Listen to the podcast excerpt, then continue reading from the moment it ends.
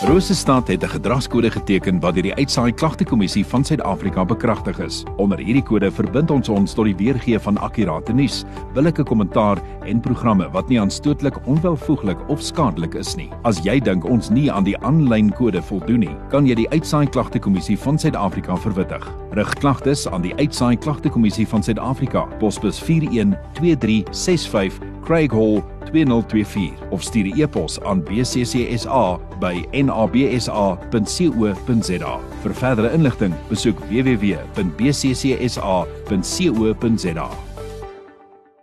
Dis op die kop half 10 op Rosestad 100.6 FM musiek van Fransjo van Rensburg met twee wêrelde hom Ashton Wheeler met Langpad. Nou hier by my in die ateljee het ek vir Stephanie Pretorius. Sy is betrokke as 'n vrywilliger by APD, die Vereniging vir persone met gestremdhede hier in Bloemfontein. Stephanie, goeiemôre, welkom. Dankie vir jou tyd. My plesier vir jou tyd en ook aan die luisteraars. Ek hoop dat ons regtig iets sinvols met julle vanoggend kan deel. Uh Stephanie, watter projekte of diens dienste uh, word gedoen daar by die vereniging vir persone met gestremdhede in Bloemfontein? Wel ek dink dit is van die interessantste projekte en 'n wye verskeidenheid omdat daar soveel behoeftes in die leefwêreld van gestremdes is. Ek wil net in, in eerstens dit is een van die organisasies met histories 'n baie baie lang en um, merkwaardige voetspoor wat in 1937 deur Dr Emilia Krause gestig is en bekend gestaan het tot in die 80er jare as die Kreppelsorgvereniging en in lyn met die gevoel van persone met gestremthede in daardie tyd is dit landwyd verander na verenigings vir persone met gestremthede. Heidiglik is die dienste wat aangebied word onder andere die Jean Webber huis vir persone met gestremthede wat deel vorm van die korporatiewe kompleks in Parkweg uh, wat voorsiening maak vir ongeveer 37 inwonende persone met so 29 versorgers wat na hulle omsien. Die Emilia Kindersentrum in Batu um ook vroeër bekend as Lebohang Emilia verwysend na Dr Krause wat dit aanvanklik 'n nasorgsentrum vir kinders uit Belenomi Hospitaal was wat langtermyn nie kritiese behandeling nodig gehad het nie maar wat nou kyk na die belange van kinders en kleuters met gestremthede. Op die groot uh, terrein van die spoorweë is daar die Kopano werkswinkel vir persone met gestremthede wat van die pragtigste handwerk veral ook tradisionele kralewerk uh, beskikbaar stel. Daar word maatskaplike werkdienste gelewer aan individue. Daar's programme vir jong seuns en meisies en families. Hulpmiddels uh, en professionele dienste word ook aan hulle gelewer.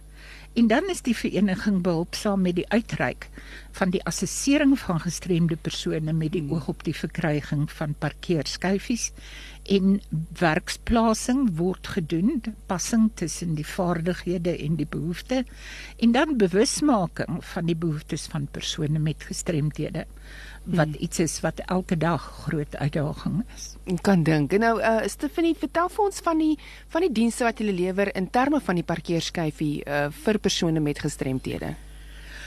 Die proses behels dat 'n persoon um, met 'n mediese sertifikaat van 'n behandelende geneesheer sal kom op die dag van assessering wat by die kantore van die vereniging gedoen word en as enige iemand bietjie verward is oor waar dit is skuins oorkant die toerisme sentrum in Parkweg en daar is 'n fooi van R300 betaalbaar vir die parkeerskyfie.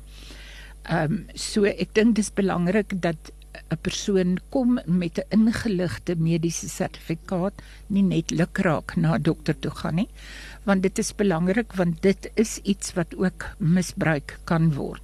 Ons weet dat die spesiale parkering so dikwels deur lede van die publiek by sake sentrums en ander geïdentifiseerde plekke misbruik word so dat daar net met integriteit hierdie skyfies uitgereik word. Definitief. Sommige ding wat 'n mens vies maak as jy sien daar daardie parkeerplekke wat misbruik word.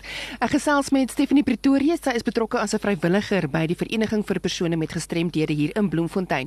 Nou Stephanie, kan jy ons vertel oor uh die verhuuring van rolstoele of krikke deur julle organisasie?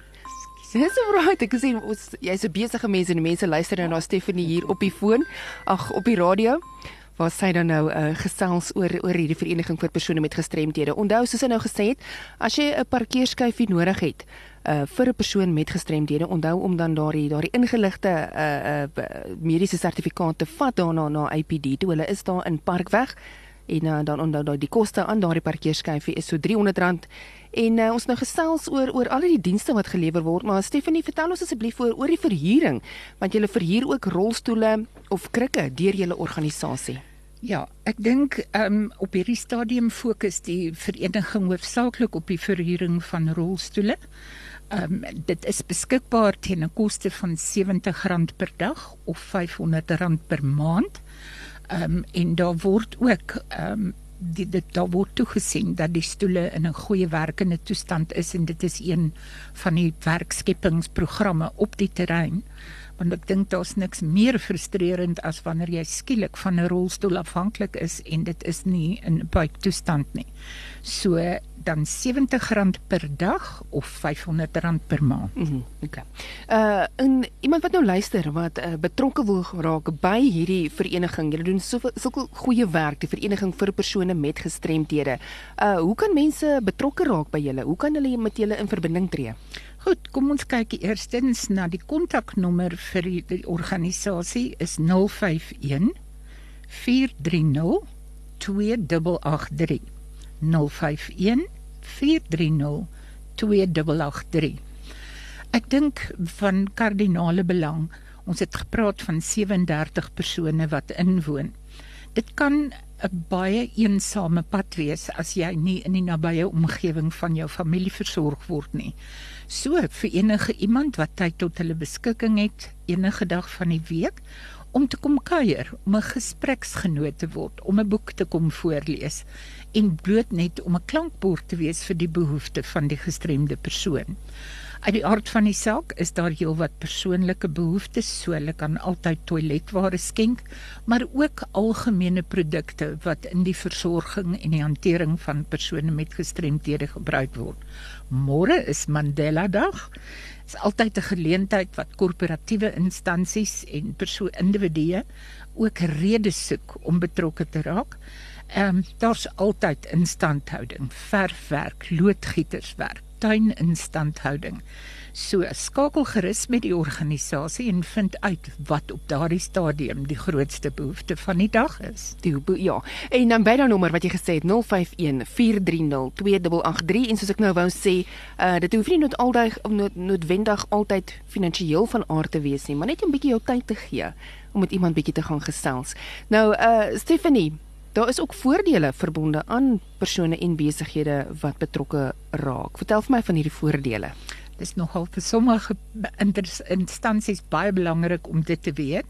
Die vereniging kan verskenkings van individue, trusts of maatskappye artikel 18A sertifikaat uitreik wat dan gebruik kan word saam met 'n belastingaanslag en dit kan in die geval van individue tot en met 100 000 rand 'n jaar beloop wat hulle dan as 'n korting voor kan aansoek doen.